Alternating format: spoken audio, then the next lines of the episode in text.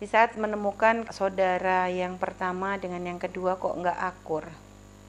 Artinya gini loh, kita berupaya untuk menjadi orang yang bisa menjadi memberi apa ya jalan untuk suluh. Itu kan termasuk uh, sodakoh di saat kita bisa mendamaikan dua orang yang berselisih. Ya, artinya itu pun termasuk perintah yang difirmankan oleh Allah Subhanahu wa taala seperti tadi yang kami sebutkan ya. Innamal mu'minuna ikhwah. Sungguhnya orang mukmin itu bersaudara. Fa aslihu baina akhwaikum maka jadilah orang yang bisa mendamaikan antara dua orang yang berselisih kan gitu. Nah, maka sekarang ini saudara kita. Saudara kakak pertama dengan yang kedua ini kurang cocok. Dan kalau ini kadang kita ngingetin malah saling menyalahkan. Lalu apa yang harus kita lakukan? Kami sering menyampaikan, kita itu di dalam berdakwah, itu kan termasuk mendamaikan itu kan bagian daripada dakwah dalam berdakwah itu ada tiga hal yang harus kita perhatikan. Yang pertama adalah dalam menyampaikan dakwah kita itu pilihlah waktu yang paling baik. Yang paling baik. Jadi dakwah itu harus nyari waktu yang tepat. Jangan lagi ribut, kita langsung lagi panas-panasnya itu kita langsung ceramah di situ ya bukan malah didengar, kita ikut dimusuhi juga. Jadi memilih waktu yang tepat. Kadang mungkin kita tunda dulu, milih waktu pas enak, mungkin pas lagi jalan, nyantai, makan, nyantai di situ kita sambil hatinya pas lagi senang, maka di situ kita sisipkan pesan-pesan pesan-pesan. Jadi gitu. Jadi memilih waktu yang tepat. Yang kedua, tidak mesti harus pakai lisan kita. Kita harus sadar, kira-kira kita termasuk orang yang bakalan didengar atau enggak. Kalau omongan kita ini nggak bakal didengar, maka ya jangan maksain harus saya yang ngomong. Makanya tadi kami tanyakan, masih punya orang tua? Maka ini adalah menjadi tugas orang tua untuk mengakurkan anak-anaknya. Dan biasanya ketidakakuran anak itu biasanya pun penyebabnya bisa saja dari orang tua. Orang tua yang kurang adil, mungkin kadang membandingkan anak satu dengan anak yang lainnya, mungkin kadang memuji, sering memuji anak satu lebih daripada yang lain. Ini kadang menjadikan anak itu menjadi yang awalnya nggak ada kenapa-napa, bisa menjadi kenapa-napa.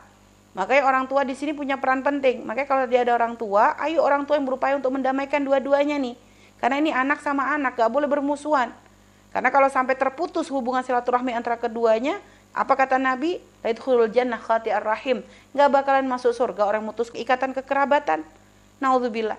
Jangan sampai kita punya saudara atau ada ada orang tua kok membiarkan anaknya gak bisa masuk surga gara-gara putus persaudaraan. Makanya menjadi orang tua yang adil itu penting.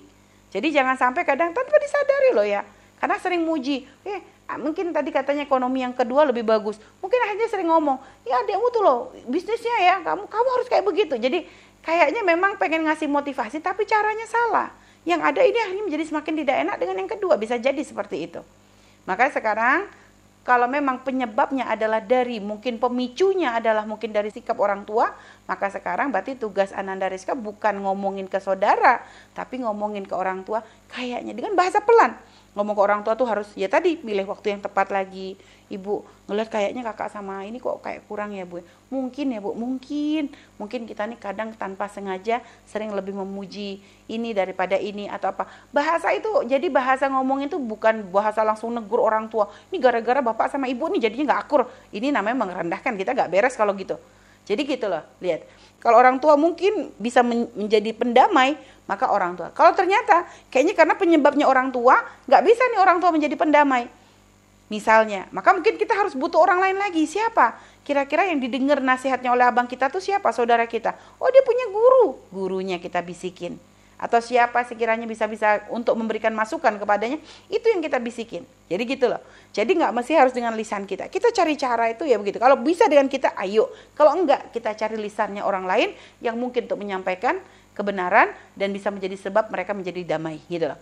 Nah terus yang paling penting apa? Yang nomor tiga itu apa yang difirmankan oleh Allah ud'u ila sabili rabbika bil hikmati wal hasanah. Dakwah itu butuh strategi Sampaikan dakwah itu dengan cara yang bijak. Jadi kita tuh harus cari strategi gimana sih caranya supaya kakak ini bisa akur ini loh.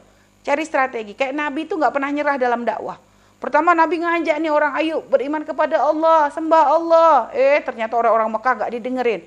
Gak, gak putus asa. Nabi mencoba ke Taif. Eh di Taif Nabi malah dipukuli, dilempar. Gak putus asa Nabi cari lagi. Datang ke kabilah-kabilah yang datang waktu musim haji. Dan lihat di situ Nabi dipertemukan oleh orang-orang Ansor. Sehingga akhirnya dakwah pun lihat. Itu kan cara dakwah. Jadi dakwah itu ada strategi. Terus kita berpikir, gagal di satu cara nih, jangan putus asa. Coba cara berikutnya. Gagal di sini, coba cara berikutnya. Terus seperti itu. Jadi dengan bijak. Kita berdakwah tuh dengan cara yang bijak. Untuk ila sabil rabbika bil hikmati wal mau'izatil hasanah. Dan juga bagaimana kita dalam berdakwah bisa menyampaikan dengan kata-kata yang baik, kata-kata yang benar. Menyampaikan, ingat, menyampaikan dengan cara yang baik ini berbeda dengan sekedar ngomong benar Orang kalau ngomong benar gampang, tapi menyampaikan dengan benar ini yang nggak gampang. Jadi kadang kita butuh pinter mengolah kata. Ada satu hari seorang raja, waktu itu mimpi. Mimpi itu kalau ditafsiri oleh ahli tafsir, raja dan keluarganya nih akan mati. Raja dan keluarganya akan mati. Hanya raja ini matinya terakhir. Akhirnya bertanya kepada ahli tafsir. Semua menafsiri dengan cara yang sama. Raja, ini berita buruk ini. Engkau dan keluargamu akan mati dan engkau yang paling terakhir mati. Lihat, engkau paling terakhir mati. Akhirnya raja marah dong. Kok tafsirnya begitu? Bunuh lagi, bunuh sama raja. Setiap yang ngomong gak jenangkan, dibunuh sama sama si raja tuh. Akhirnya apa? Ada seorang alim, seorang soleh, yang akhirnya ditanya juga tentang tafsir mimpinya. Akhirnya apa? Beliau memang secara tafsir mimpi sama seperti yang lain. Tapi beliau menyampaikannya dengan cara yang berbeda. Dia ngomong, wahai raja, engkau adalah orang yang paling panjang umur daripada keluargamu yang lain. Jadi lihat, sebenarnya kan maksudnya sama. Raja itu yang paling panjang umur, bang karena nah, raja matinya terakhir. Jadi kan dibanding yang lain panjang umur. Sebenarnya ya matinya mau cepat semua gitu loh. Cuma lihat, cara menyampaikan dengan cara yang benar, ini menjadikan raja tuh lebih bisa nerima. Nah, begitulah dakwah. Kadang kita tuh butuh strategi di dalam menyampaikan. Jadi jangan langsung saklek. Kita ngomongin kakak kita, yaudah ke kakak, tidak boleh kalau nggak akur nanti ini begini begini. Oh, nggak bisa begitu. Harus caranya apa dulu? Pendekatan dulu dibikin kakak kita tuh dengan kita tuh uh, apa sih? Kita jadi gini loh kita tuh akan lebih mudah menerima dakwah kalau orang yang mengingatkan kita tuh orang yang kita suka kan gitu ya?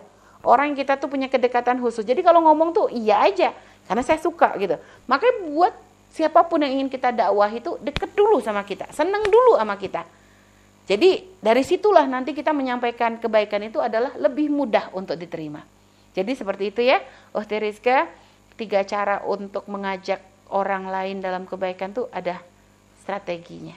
Pilih waktu yang tepat, tidak mesti dari lisan kita dan menyampaikan dengan cara yang benar. Wallahu a'lam bishawab.